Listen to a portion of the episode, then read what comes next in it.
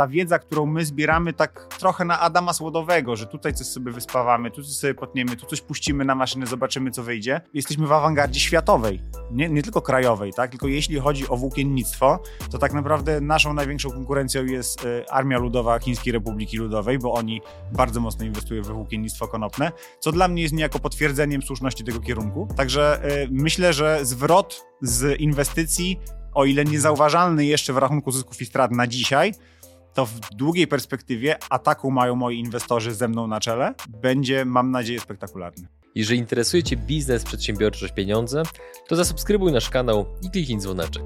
Partnerami przygód przedsiębiorców są Święto Kapitalizmu, konferencja dla ludzi z hajsem i brakiem kija w dupie, IBCS Tax, spółki zagraniczne, ochrona majątku, podatki międzynarodowe, Fullbacks, kompleksowa obsługa importu z Chin oraz pomoc na każdym jego etapie, Fit Group, Nowoczesne kamienice gwarancją przyszłości. YouTube dla biznesu. Wejdź na przygody.tv i zobacz, jak wiele mogłaby zyskać Twoja firma dzięki YouTube z naszą pomocą.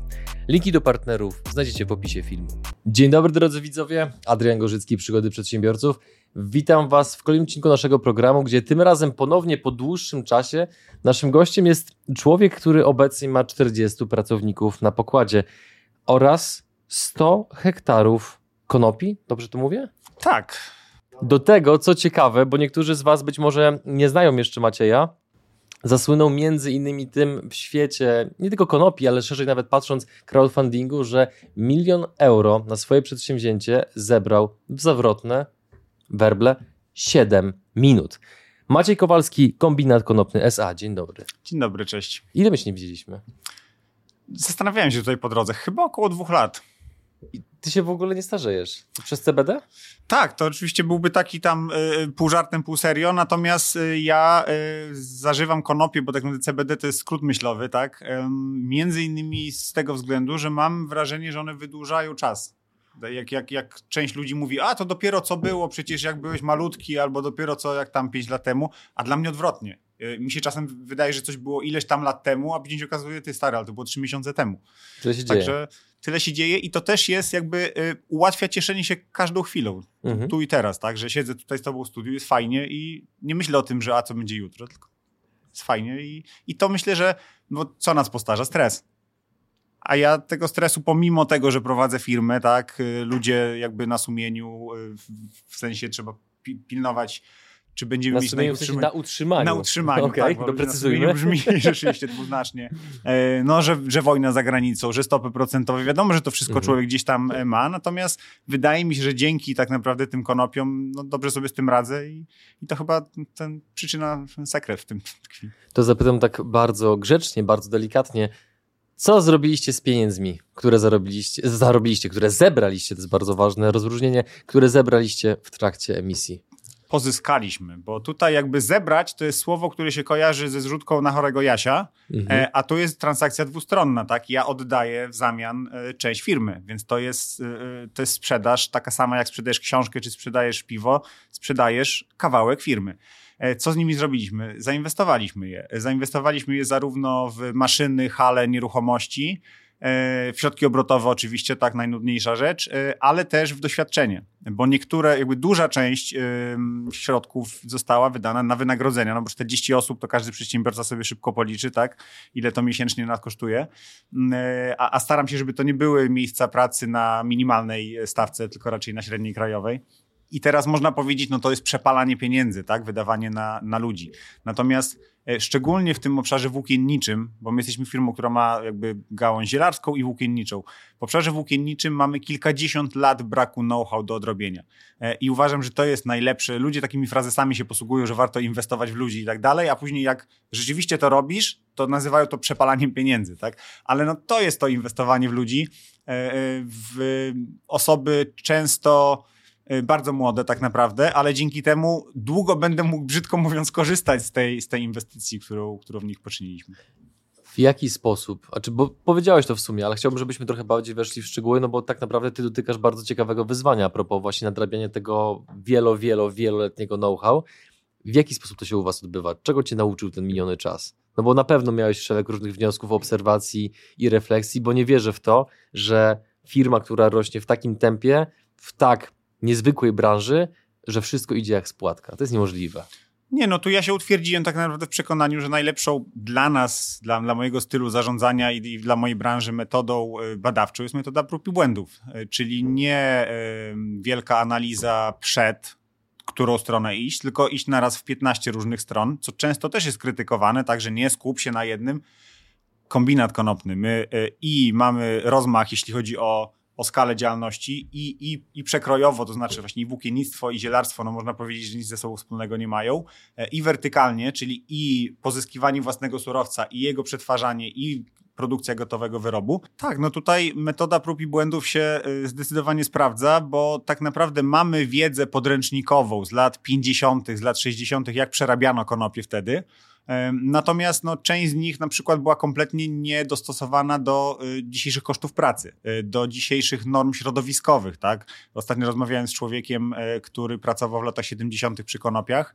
Pytam go, no, robili metodą wodną, już nie będę wchodzić w szczegóły, ale gigantyczne ilości ścieków generali, generowali. Się pytam, co z tymi ściekami robiliście? No do rzeki wylewaliśmy. I to mm. był jakby taki standard, tak? Więc teraz my mamy E, e, możemy korzystać z tych doświadczeń, ale jednocześnie no, nowoczesnej technologii, jakiejś e, gospodarki obiegu zamkniętego i tak dalej. Więc czego nas ten, ten milion, a właściwie 3 miliony euro, bo to były trzy emisje, nauczyły? No wiemy już w tej chwili bardzo dużo na temat włókiennictwa. Ja niedawno zacząłem aktywnie prowadzić profil na LinkedInie i de facto w ciągu tych dwóch, trzech miesięcy, bo zablokowali mi profil firmowy, więc na przekór wściekłem się, zacząłem e, aktywniej swojego LinkedIna prywatnego prowadzić. I nagle w ciągu dosłownie tygodni zacząłem być zapraszany jako ekspert na, na konferencje w Stanach, w Niemczech. I okazuje się, że ta wiedza, którą my zbieramy, tak, tak trochę na Adama Słodowego, że tutaj coś sobie wyspawamy, tu coś sobie potniemy, tu coś puścimy na maszynę, zobaczymy, co wyjdzie, to ona staje się jakby, y, jesteśmy w awangardzie światowej nie, nie tylko krajowej, tak? tylko jeśli chodzi o włókiennictwo, to tak naprawdę naszą największą konkurencją jest e, Armia Ludowa Chińskiej Republiki Ludowej, bo oni bardzo mocno inwestują we włókiennictwo konopne, co dla mnie jest niejako potwierdzeniem słuszności tego kierunku. E, kilka firm e, w Stanach Zjednoczonych, była według mnie realna konkurencja Federacji Rosyjskiej, no w tej chwili z racji na, na, na status jakby takiego pariasa na światowej, światowej gospodarce to raczej nie wróży im sukcesów.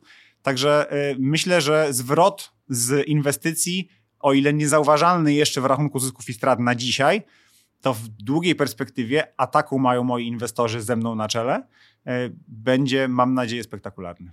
Dałeś kilka argumentów, ale ten temat podrążę. Co pozwala ci zakładać, że włókiennictwo oparte o surowiec z konopi wyprze materiały, które obecnie de facto zdominowały tą branżę globalnie? Niezupełnie wyprze. E, ja nie jestem z tych, którzy twierdzą, że konopie uratują świat i zastąpią nam bawełnę, poliester i tak dalej. No, dwa największe e, surowce włókiennicze w tej chwili to jest bawełna i poliester. Za 50 lat jednego i drugiego nie będzie. Dlaczego? Wycofujemy się z ropy naftowej, tak, w jakimś tam zakresie. Kiedy to nastąpi, jak mocno, nie wiemy, ale wiemy, że trend jest w tym kierunku. Poliester z czego pochodzi? Z odpadu z y, refinacji ropy naftowej. Więc każda jedna sprzedana Tesla oznacza parę centów droższa produkcja poliestru. Można oczywiście ten poliester y, z recyklingu pozyskiwać, można go z odpadów z biomasy pozyskiwać i tak dalej, natomiast nie będzie to już surowiec odpadowy, więc będzie droższy. E, jeśli chodzi o bawy i dalej mamy jeszcze regulacje, które już na korytarzach brukselskich gdzieś tam się pojawiają, że taka e, kowbojska metoda produkcji poliestru, gdzie e, myślimy tylko o efekcie środowiskowym tu i teraz, a nie o tym, że to będzie jeszcze tysiące lat nam leżało na wysypiskach, to znowuż za naszego życia, a ja planuję na 50 lat do przodu e, działalność firmy, nie będzie mogła mieć miejsca. E, jeśli chodzi o bawełnę, to podstawowe obszary, gdzie ona jest produkowana na świecie, są już środowiskowo tak zdegradowane, że to już nawet nie chodzi o nasze podejście do środowiska. Po prostu natura przestanie rodzić tą bawełnę w takich miejscach jak Uzbekistan, gdzie po prostu całą wodę, krótko mówiąc, wypiła ta bawełna. E, druga część świata, gdzie produkcja bawełny jest bardzo popularna, to jest, to jest północno-zachodni e, część Chińskiej Republiki Ludowej. Jeśli słyszałeś o Ujgurach, o obozach koncentracyjnych dla Ujgurów, to to są de facto obozy pracy dla przemysłu bawełniarskiego. I później kupujesz sobie bawełnianą koszulkę z napisem organic, a tak naprawdę ona niestety 20% światowej bawełny pochodzi z tej prowincji Xinjiang. Więc to są takie rzeczy, można powiedzieć, yy, efemeryczne, tak? Bo to nie jest tak, że tu i teraz jest szansa biznesowa, jak nie wiem, na trzepaniu maseczek, czy jakichś takich rzeczy, takich szans biznesowych, krótkoterminowych i y, uchwytnych na tu i teraz. Y, natomiast w długiej perspektywie, no dlatego wiem, że w to warto inwestować. I teraz moje założenie, jeśli chodzi o prognozy przychodowe, ja nawet nie wiem, ile zer jest po przecinku w procentach rynku, który muszę pozyskać, żeby je spełnić, jeśli chodzi o włókiennictwo. Jeśli chodzi o rynek zielarski, to jest dużo trudniej, no bo tu jest pewna głębokość rynku, której nie przeskoczysz. Natomiast jeśli chodzi o sektor tekstylny czy włókienniczy, to nie tylko odzieżówka, jest cała masa, tak? Tu mamy zasłony, tutaj w tym mikrofonie pewnie są jakieś wyroby włókiennicze w krzesłach, na których siedzimy, no absolutnie wszędzie, jakieś panele wygłuszeniowe, no już, już mhm. nie sposób wymienić wszystko. E, to jest rynek, e, w którym zdobycie dziesiątej części promila jest w stanie zadowolić moich akcjonariuszy, delikatnie mówiąc. Powiedziałeś, że myślisz o firmie w perspektywie 50 lat, więc nie mogę nie zapytać. Jestem ciekaw, jak odpowiesz. Za wasz obecny know-how, ile ktoś musiałby położyć, abyś był gotów, gotów sprzedać firmę? Pewnie skłamałbym, gdybym powiedział, że nie ma takiej kwoty, mm, bo to dopiero by zweryfikowała rzeczywistość. Tak, jakbyś mi tutaj położył 100 pierdylionów y, dolarów, no to pewnie bym stwierdził, że okej, okay, podzielę się tym z pracownikami i, i, może bym to zrobił. Natomiast e, tak jak wiesz, to jest firma, którą ja założyłem w celu realizowania pewnych jakichś tam swoich pasji. Ja naprawdę autentyczną radość odczuwam z tego odbudowywania przemysłu konopnego. I, I znowuż kłamstwem byłoby powiedzieć, że nie robię tego dla pieniędzy. Natomiast ja mam bardzo specyficzne postrzeganie pieniędzy. To jest e, e, środek do celu, to jest pewna forma wyrazu wdzięczności, że robisz coś fajnego i ludzie ci tym płacą, bo płacą ci de facto swoim czasem, tak? czyli czymś, co mają najcenniejszego. Dla mnie pieniądz, który byłby, nie wiem, ukradziony, jest bezwartościowy. Um, więc y, czy jeżeli ktoś chciałby, że tak powiem, kupić tą firmę i miałbym szczególnie, nie wiem, podejrzenia, że po to, żeby ją zamknąć, e, co niestety, no, widzimy, że się zdarza, tak? E, to, to nie, nie po to ją buduję, żeby, żeby mhm. ją sprzedać i mieć dużo pieniędzy. Mhm. Idąc dalej, w jaki sposób rekrutuje się ludzi, którzy chcą być częścią firmy, która jest w branży, która tak naprawdę dopiero się odbudowuje?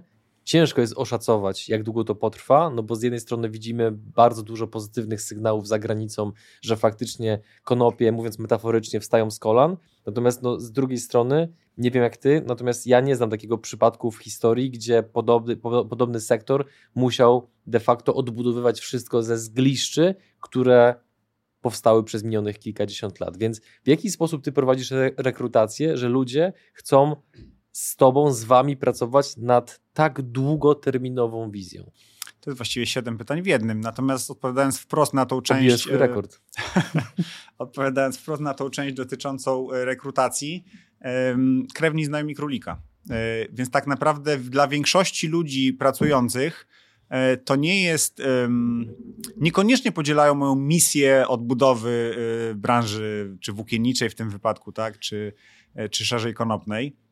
E, no wiadomo, że większość ludzi na etacie e, przywiązuje wagę do takich rzeczy jak atmosfera, wynagrodzenie, stabilność zatrudnienia i tak dalej. I tutaj po prostu no lata, może nie jakieś strasznie długie, tak, bo ja de facto pierwsze, pierwsze osoby zatrudniałem może 8 lat temu, e, ale y, jeżeli ileś osób pracuje, jest zadowolonych, to w takim niedużym mieście, jakim jest Elbląg, nas powiedzmy około 80-100 tysięcy ludzi, e, gdzie ja w sumie ponad setkę osób zatrudniłem, to praktycznie nie ma osoby w Elblągu, która nie ma znajomych albo członków rodziny, którzy gdzieś tam e, ze mną pracowali. No i znakomita większość osób jest po prostu zadowolona z, z, tej pracy, więc to tu nie ma jakiejś łatwej recepty, że ja w ogłoszeniu coś fajnego napiszę, tak? Po prostu tworzysz fajne miejsce pracy, w którym e, człowiek jest traktowany jak człowiek, a nie jak trybik. Zarabia tak, żeby godnie żyć i ma poczucie, że robi coś fajnego tak naprawdę. Mhm. Więc rekrutacja, wiem, że często takimi falami wraca u przedsiębiorców temat nie ma rąk do pracy. Ja z tym nigdy nie miałem problemu, niezależnie od, od koniunktury na, na rynku pracy. Ja tylko się wtrącę, że y, to jest być może kontrowersyjne, co powiem, ale uważam, że tego typu słowa są bardzo często powtarzane. Niestety przez firmy, które tak bardzo negatywnie zapracowały na swoją reputację, że po prostu wieść się rozniosła i zwyczajnie ludzie omijają tę firmę szerokim łukiem. Natomiast idąc dalej, były trzy zbiórki, każda po milion euro? Tak, tak to tak. znaczy y, pierwsza e, emisja to był y, milion euro, czyli właściwie 4,2 miliona złotych. Aha. E, druga to była emisja prywatna na odrobinę więcej, tam niecałe 5 milionów. E, I trzecia emisja też no, w limicie tego miliona euro, bo to była emisja publiczna, czyli 4,5 miliona złotych. Można przyjąć, że jeżeli chodzi o emisję, nie zbiórki, jesteś osobą skuteczną. Zgadzasz się? No, ja patrząc... potrzebuję krótkiej odpowiedzi. Tak czy nie? Bez wątpienia. Bez wątpienia. Jaka jest cena bycia skutecznym w Twoim przypadku? To mi zadałeś pytanie. Jaka jest cena e, bycia skutecznym? Długo dochodziłem, ale chyba było warto. To jest właściwie konsekwencja, będzie piękne masło maślanie, konsekwencja bycia konsekwentnym.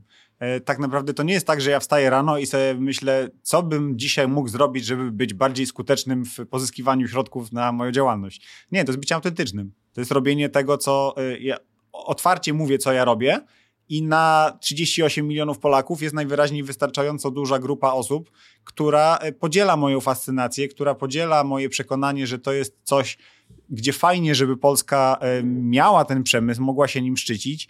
Więc tu, tutaj tak naprawdę ja zawsze się śmieję, że jeżeli ktoś buduje firmę po to właśnie, żeby ją sprzedać, czy pozyskać na nią środki, to nie pozyska na nią środków i nie sprzeda, chyba że ładnie kłamie. Natomiast jeżeli ja to robię zacząłem to za swoje pieniądze, tak? Ja jestem głównym akcjonariuszem, to moje e, interesy są zbieżne z interesem akcjonariuszy, więc to jest jakby najlepsza, e, najlepsza metoda, żeby być skutecznym, być po prostu uczciwym, przyzwoitym. W sumie trochę na to odpowiedziałeś, ale ja chciałbym to podrążyć, bo ty w konopiach ile lat już siedzisz? No będzie już około 20 lat, z czego połowa zawodowo, a, mhm. a całe te 20 tak um, edukacyjno-promocyjnie nazwijmy to.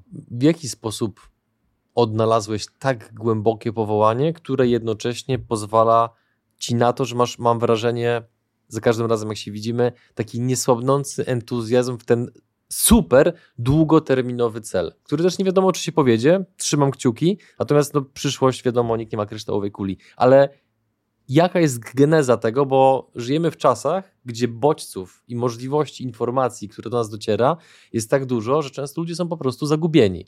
A ty, mam wrażenie, niczym koń wyścigowy, masz klapki na oczach, jeden sektor, jeden kierunek, cała naprzód od lat.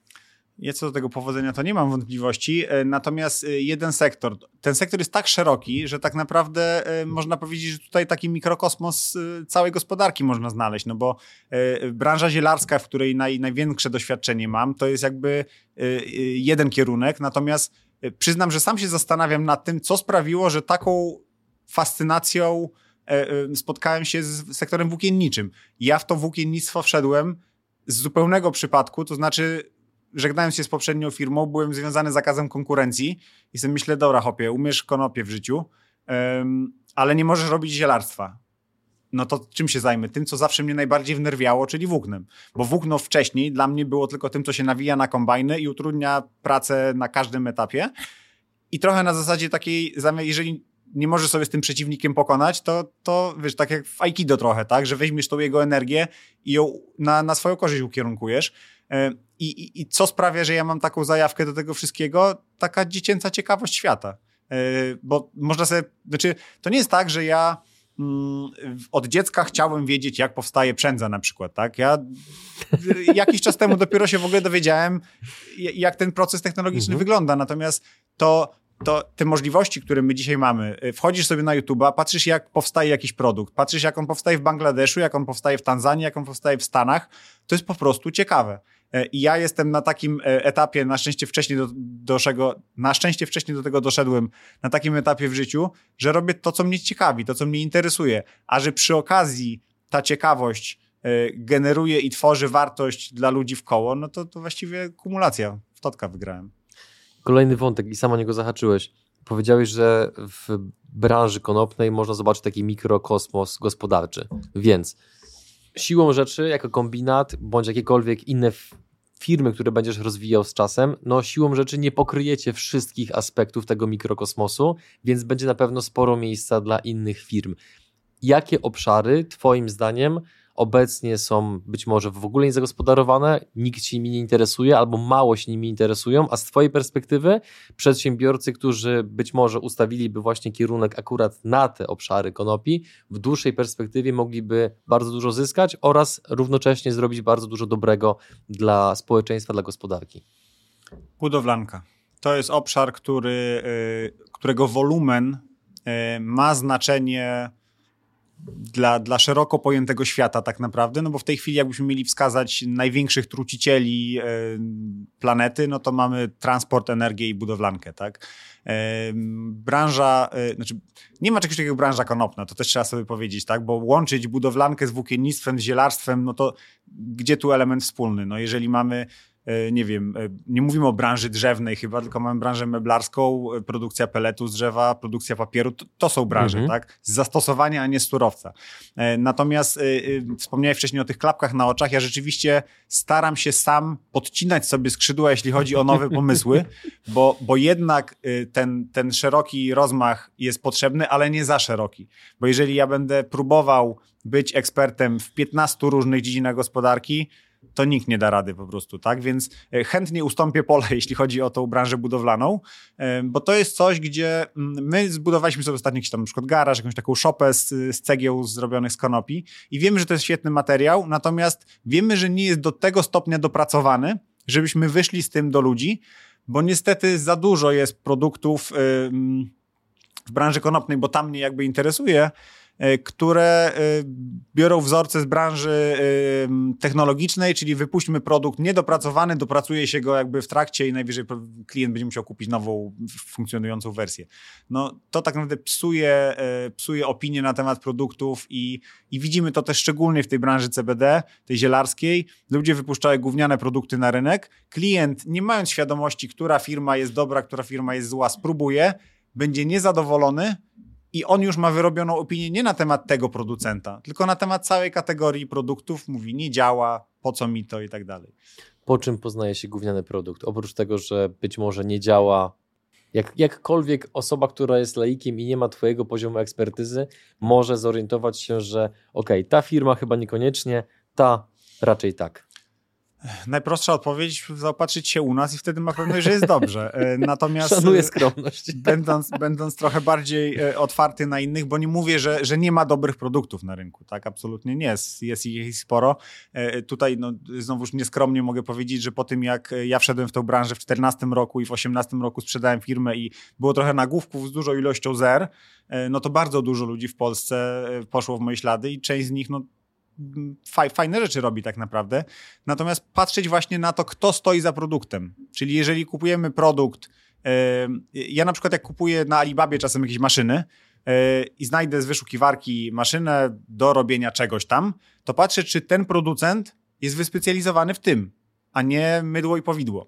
E, więc jeżeli zobaczymy, czy na Allegro, czy na półce sklepowej e, produkt konopny, to sprawdźmy, jeżeli, jeżeli chcemy ja wiem, że nie każdy chce czas poświęcać na, na weryfikację, tak? Jak kupujesz czekolady, to nie będziesz się zastanawiać, a skąd oni mają kakao, a jak długo ucierają to kakao i tak dalej. Natomiast no, jeżeli ktoś chce się jakoś przekonać, czy produkt jest dobry, czy, czy nie, no to dla mnie najlepszym przybliżeniem jest sprawdzić, kto za tym stoi, od jak dawna, co o tym mówi, czy czym ma pojęcie, bo często ciągu pierwszych trzech minut można określić, czy ktoś ma pojęcie o tym, czy nie. Mhm. E, dla mnie takim, takim testem jest, czy robi błędy ortograficzne w nazwie produktu, a jako, że produkty z konopi konopi pisze się przez jedno i na końcu i takim typowym błędem początkującej osoby jest napisać konopi przez dwa i.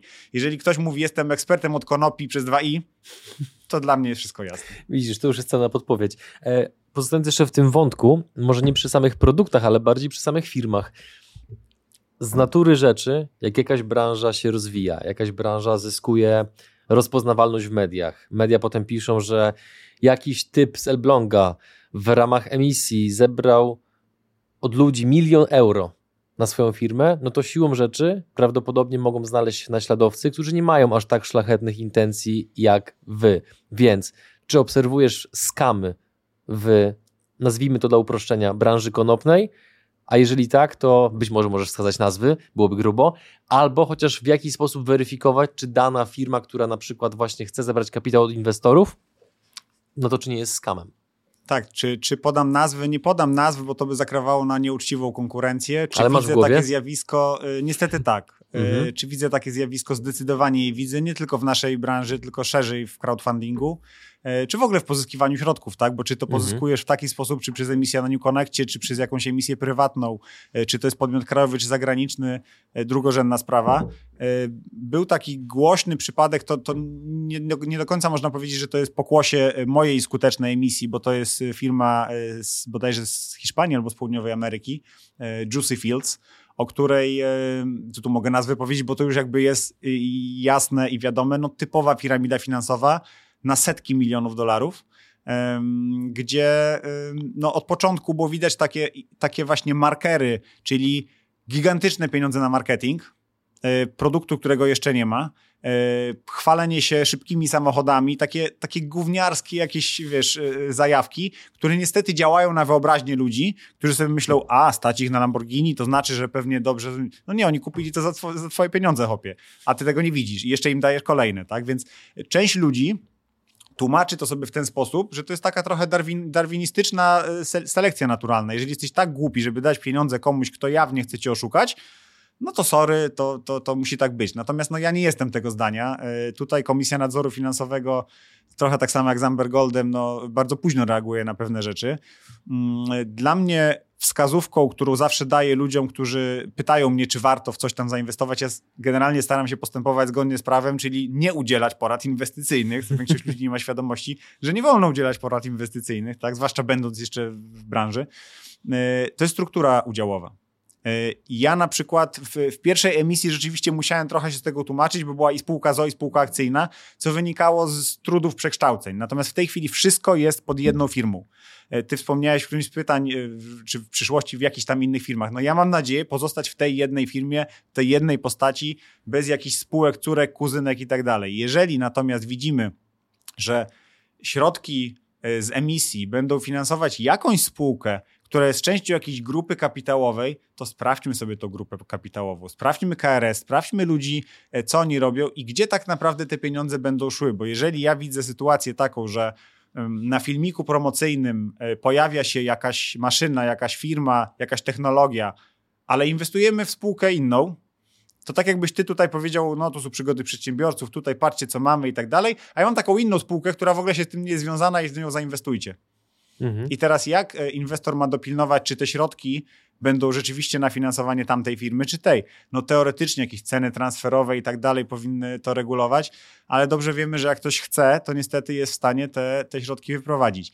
E, kolejna rzecz, dywidenda. Jeżeli spółka chce szybko wypłacać dywidendy, no to dla mnie jest oczywistym, że celem jest wyprowadzenie pieniędzy ze spółki, bo jeżeli ja mam 80% firmy i teraz pozyskam milion złotych e, z rynku i wypłacę milion złotych dywidend, to 800 tysięcy z tych pieniędzy trafia do mojej kieszeni. No jaki jest sens pozyskiwania pieniędzy, żeby je wypłacać od razu jako dywidendy, no tylko redystrybucja środków z kieszeni akcjonariuszy do, do kieszeni głównego akcjonariusza. Więc te rzeczy, struktura udziałowa i podejście mhm. do dywidend, co nie jest oczywiste, bo część ludzi myśli dywidenda, dobrze, no będę dostawać szybko pieniędzy. No nie, dostaniesz tylko tą marginalną część tych pieniędzy. Idąc dalej z tym wątkiem, przygotuj się, bo to będzie prawdopodobnie długie pytanie, ale postaram się, żeby nie było siedmiu pytań w jednym, tylko żeby było jedno po prostu bardzo długie, budujące kontekst. Bardzo często a propos kwestii wizerunku, można spotkać takie porady od ludzi, że bądź autentyczny, bądź sobą. I bez zbędnej wazeliny uważam, że spośród wszystkich gości, których miałem w programie, jesteś jedną z najbardziej autentycznych osób. To jest jakby absolutnie tak uważam, e, to jest pewnego rodzaju komplement. Natomiast e, przez to, że jednocześnie wiem, że masz dystans do pewnych spraw i podchodzisz troszeczkę inaczej do pewnych kwestii, jak większość ludzi, podam przykład, nie wiem czy mogę, bo powiedziałeś mi go poza kamerą, ale podejmę to ryzyko. Co trzeba mieć w głowie? E, jak to trzeba mieć poukładane a propos właśnie autentyczności, świadomości swojego wizerunku, że idzie się na odebranie nagrody od wprost, jeżeli dobrze pamiętam, na sali pełno oficjeli, wszyscy pod krawatami, e, politycy również są obecni na scenie. Ty odbierasz nagrodę, będąc, cytuję ciebie, w płaszczu za 19 zł i butach BHP. E, mogę tak trochę Bang. pół żartem odpowiedzieć, no, e, kochaj mnie takim, jakim jesteś, no, e, takim, jakim jestem, kochaj mnie takim, jakim jestem. Jeśli komuś to przeszkadza, to ja nie chcę go oszukiwać, przy, przybierając jakąś maskę, tak, bo nie wiem, ktoś twierdzi, nie, no nie powierzę pieniędzy gościowi, który, um, który się tak zachowuje, który jest takim człowiekiem, tak? Więc teraz mogę sobie pomyśleć, okej, okay, dobra, to ja poudaję innego człowieka, żeby go przekonać, żeby mi e, powierzył te środki, um, albo żeby, nie wiem, podjął ze mną współpracę, ale, ale to, to, to jest trochę tak samo, jakbyśmy chcieli właśnie wejść w jakiś związek, czy biznesowy, czy partnerski, udając kogoś innego. To wyjdzie więc po co to robić? Po co oszukiwać? Jeżeli szczególnie mam to, co wspomniałeś, skuteczność w tym pozyskiwaniu e, środków na, na prowadzenie działalności, to jeżeli e, ludzie akceptują to, jakim jestem, jak, e, jak się prowadzę, że tak powiem, tak, jak, jak prowadzę firmę, jakie decyzje podejmuję, to ja chcę, żeby żeby to było jasne i transparentne. Jakby tutaj gorbaczowska e, transparentność jest dla mnie absolutnie kluczowa. My na, na naszej grupie inwestorskiej, na przykład dla tych 1500 akcjonariuszy, opisujemy wszystko, włącznie z jakimiś tam niepowodzeniami, problemami, trudnościami e, i, i to jest jakby mile widziane, tak? Bo jeżeli e, rzeczywiście chciałbyś dla podlizania się komuś, tak, no co, okej, okay, spotykam się z tym wicepremierem e, i mogę, mm, nie wiem, się dla niego e, ubrać w kostium, Wystroić. tak? No to to jest trochę takie całowanie pierścienia. No, e, mhm. no nie, jak dla mnie jesteśmy równy z równym, zwłaszcza, że to minister rolnictwa, no to co mu przeszkadza, że przyjdzie hop z prosto z traktora tak naprawdę. E, I, I, wydaje mi się, że żyjemy w czasach, gdzie jakby można sobie na tą autentyczność pozwolić. E, ja swego czasu, i już no, ładnych naście lat temu w Belgii mieszkałem i byłem zaskoczony, jak tam obserwowałem, bo wtedy się polityką interesowałem, teraz już bardzo nie, e, obserwowałem tamtejszy parlament. No i chłopaki jakiś żółtym sweterku wyskakuje, ale mówi sensem. I, I dla mnie w Polsce niestety jest coś takiego, że okazanie szacunku to jest ładnie się ubrać, ale możesz gadać głupoty, przyjść spóźniony i w ogóle nie wiedzieć, o czym mówisz.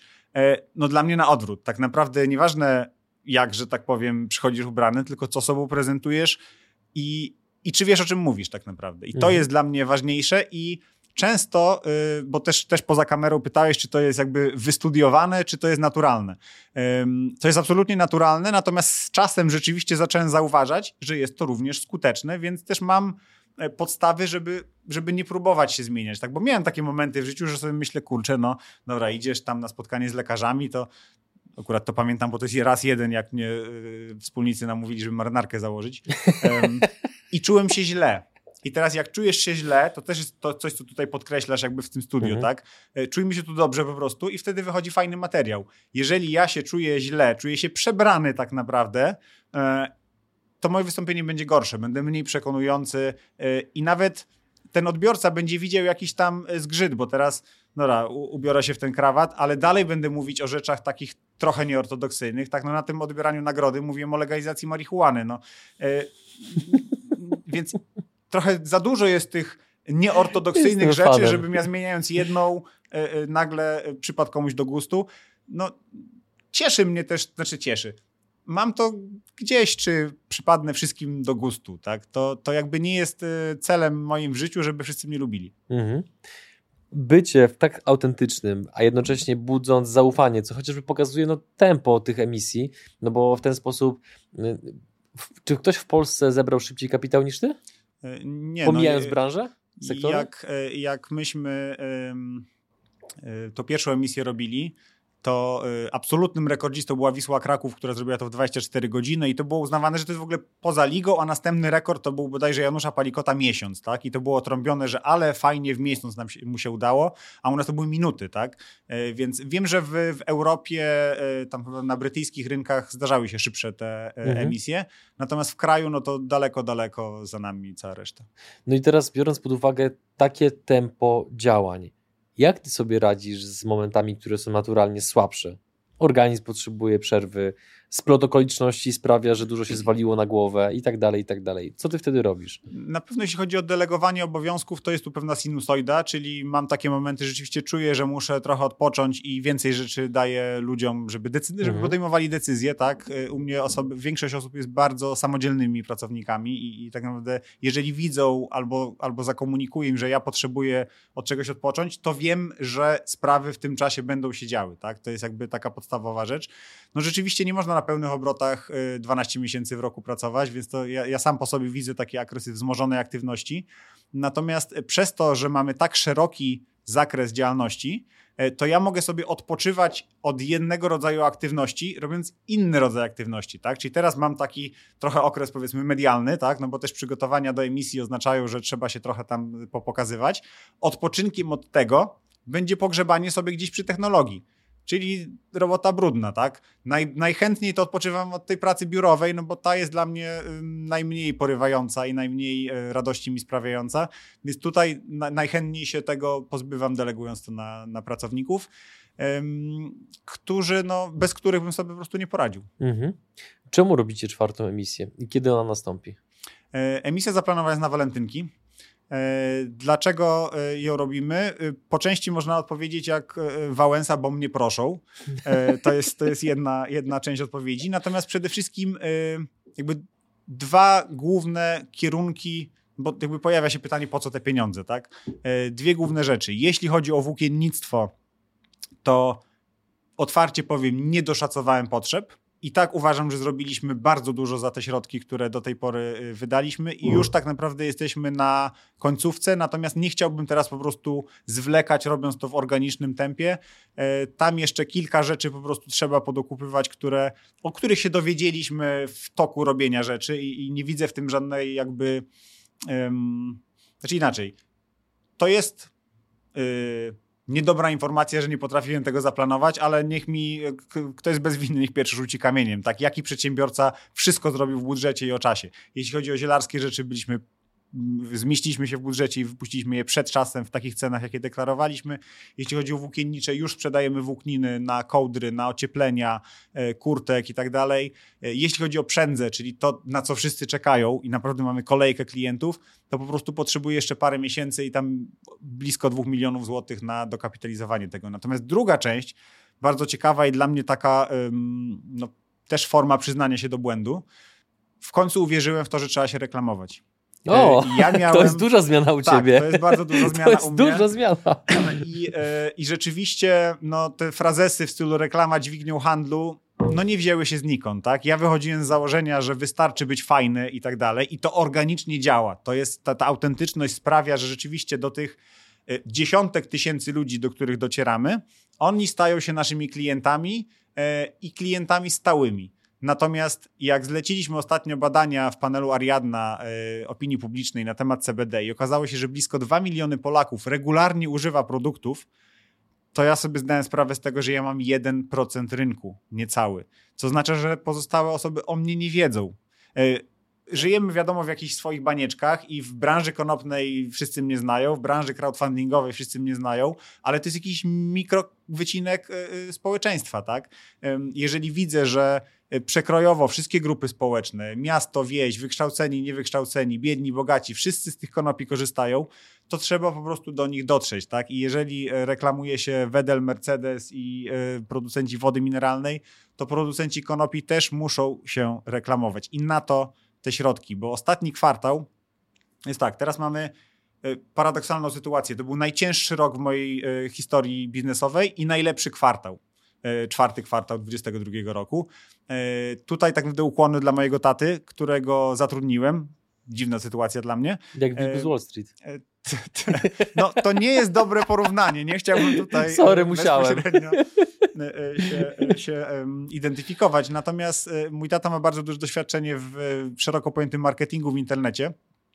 I tak naprawdę przekonał mnie do tego, że spróbujmy z tą reklamą i po prostu widzimy rezultaty. I to rezultaty takie, że jeżeli masz miesiąc do miesiąca 50% przyrostu sprzedaży, Panie. Ta reklama sama się zwraca, a wiemy, wiedząc, że połowa klientów stanie się stałymi klientami, czy nawet więcej niż połowa, no to no mhm. masz bajkę, tak? A ja mówiąc nawet o tym, o tym zwrocie od razu, mówię tylko i wyłącznie o naszym sklepie internetowym, gdzie mamy, wiesz, po kodach, UTM-ach można to sprawdzić, zweryfikować, że to ta reklama przyniosła tą sprzedaż.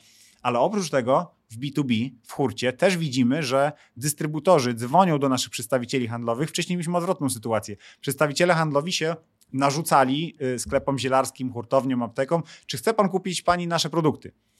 A teraz mam odwrotną sytuację. O, widziałem, że się reklamujecie, czy mogę stać się waszym dystrybutorem? No bajka, gdzie tak naprawdę ten kwartał był tylko takim rozruchem, to były to były kilka, kilkanaście tysięcy złotych miesięcznie wydawanych na reklamy, żeby w ogóle zobaczyć, czy to umiemy. I w tej chwili już wiemy, oczywiście tak jak te stare porzekadła, że połowę budżetu na, re na reklamę wywalasz w błoto, tylko nie wiesz którą, to my już teraz mniej więcej wiemy, którą i w to chcemy po prostu milion, mhm. dwa włożyć w ciągu roku w reklamy, żeby stać się widocznym, bo wiemy, wierzymy w nasze produkty, widzimy po naszych klientach, że po prostu są z nich zadowoleni, że poprawia im to komfort życia po prostu. E, no a, a, a czynniki stresu dotykają tak naprawdę praktycznie każdego, więc mamy e, ogromny rynek, świetne produkty w przystępnych cenach. Wystarczy po prostu wyjść do ludzi i o, im mhm. o tym powiedzieć, a to kosztuje. Zdarzyło ci się zakładać o coś z kimś w życiu? Pewnie jakieś pojedyncze sytuacje tak, ale raczej w, na, na, na czyjąś, że tak powiem, prośbę, bo sam takich potrzeb raczej, w ogóle takich rywalizacyjnych potrzeb mhm. absolutnie nie mam. Czyli gdybym ci zaproponował, żebyśmy się założyli o, o 100 zł na przykład skromnie, e, w ile minut zbierzecie kolejną kasę, to byś podjął rękawicę czy nie? E, wiesz co, e, nie chciałbym. To znaczy, nie z racji takiej, że nie wiem, obawiam się tego w jakiś sposób, tylko nie chciałbym tworzyć jakby fetyszu tych siedmiu minut, tak? Że mhm. czy to mhm. będzie siedem minut, czy cztery minuty, czy to lepiej, czy to gorzej. Chciałbym, żeby to był jeden dzień. E, mhm. Bo ja całą, całe przygotowania do emisji, chciałem użyć niefortunnego słowa kampania, zaraz powiem, dlaczego go nie użyłem. Czynię tak, że wszystko chcę zakomunikować przed rozpoczęciem emisji, jakby podać e, e, to na tacy inwestorowi. Przyznam, że nie mam pomysłu na prowadzenie wielomiesięcznej promocji możliwości emisji. Jeżeli nie będzie zainteresowania, trudno, poradzimy sobie. Natomiast no, Mówisz uważam, po prostu jak że, jest. E, tak, dokładnie. Natomiast dlaczego nie, nie, nie, nie, nie lubię tego słowa kampania, które często mhm. przy crowdfundingu się pojawia? Ono mi się nieuchronnie kojarzy z kampaniami politycznymi i ma bardzo wiele wspólnego, bo wtedy raz na cztery lata, czy raz na rok, jak robimy emisję, to obiecujemy ludziom, obiecujemy, obiecujemy, a później mamy ich w nosie nie komunikujemy się z nimi, nie odpowiadamy im na pytania, generalnie zainwestowałeś i teraz siedź cicho, tak? No to mi się bardzo nie podoba. Ja jako wieloletni mniejszościowy akcjonariusz byłem tym zniesmaczony i w tej chwili mam wrażenie, że ta komunikacja z inwestorami, która jest mniej publiczną rzeczą, tak? No bo to dotyczy raptem tego 1500 osób e, i jest prowadzona e, wzorowo, jest prowadzona w sposób nieortodoksyjny i to też jest jedna ze składowych tego sukcesu, E, jakim, jakim mam nadzieję będzie również w walentynki emisja akcji, bo tu nie ma jednej prostej rzeczy, tak, że ja jedną rzecz powiedziałem i ludzie, aha, dobra, to, to kupię. Każdego co innego przekonuje, tak? Tak jak na grupie inwestorskiej zresztą pytaliśmy przy pierwszej emisji, skąd się dowiedzieli? E, no i tam bardzo różne odpowiedzi, między innymi przygody przedsiębiorców, tak kilka procent naszych akcjonariuszy przyszło z grona widzów. E, więc to też jest taka mrówcza praca, nie w czasie kampanii, tylko przez po prostu 365 mhm. dni w roku. To powiedz jeszcze osobom, widzom, słuchaczom, ponieważ ten materiał będzie również na podcastach, gdzie mogą znaleźć informacje a propos emisji. Najlepszym źródłem informacji w ogóle na temat naszej firmy to jest nasz Facebook. My tam publikujemy na bieżąco e, wszystkie informacje. Ja już teraz zapraszam, e, na naszym Facebooku jest stale podlinkowany webinar, który będzie w przededniu emisji, e, który będzie trwał tyle czasu, ile będzie potrzeba. Ja chcę odpowiedzieć na wszystkie pytania, bo emisja crowdowa jest tak y, dziwnie prowadzona, że z, niedużo, z niedużym wyprzedzeniem wcześniej można podać wszystkie parametry, tak? Ja pomimo tego, że mam to w głowie, nie mogę ci teraz powiedzieć, ile akcji, w jakiej cenie i tak dalej. Natomiast jak już te informacje będą podane, Tutaj przyznaję bez bicia błąd pierwszej emisji, że podaliśmy je w momencie rozpoczęcia zapisów. Nikt się nie spodziewał tego, że nie będzie czasu przeczytać tych parametrów, więc teraz robimy to dzień wcześniej. Dzień wcześniej będzie webinar, tak żeby każdy mógł się zapoznać z rana z treściami, wieczorem ze mną porozmawiać, zadać mi pytanie, żebym na wszystko mógł odpowiedzieć. Myślę, że to jest najlepsza, e, najlepsze miejsce, gdzie można się e, dowiedzieć nie tylko o emisji, tylko o nas po prostu. Drodzy widzowie, słuchacze, jeżeli przekonał Was ten odcinek i chcecie dołączyć do grona inwestorów, które w tej chwili otaczają Macieja oraz jego zespół i ich firmę, to wszystkie potrzebne linki znajdują się w opisie tego filmu, a tymczasem my żegnamy się z Wami. Dziękujemy Wam za Wasz czas i do zobaczenia. Dzięki Maciej. Dzięki, do zobaczenia.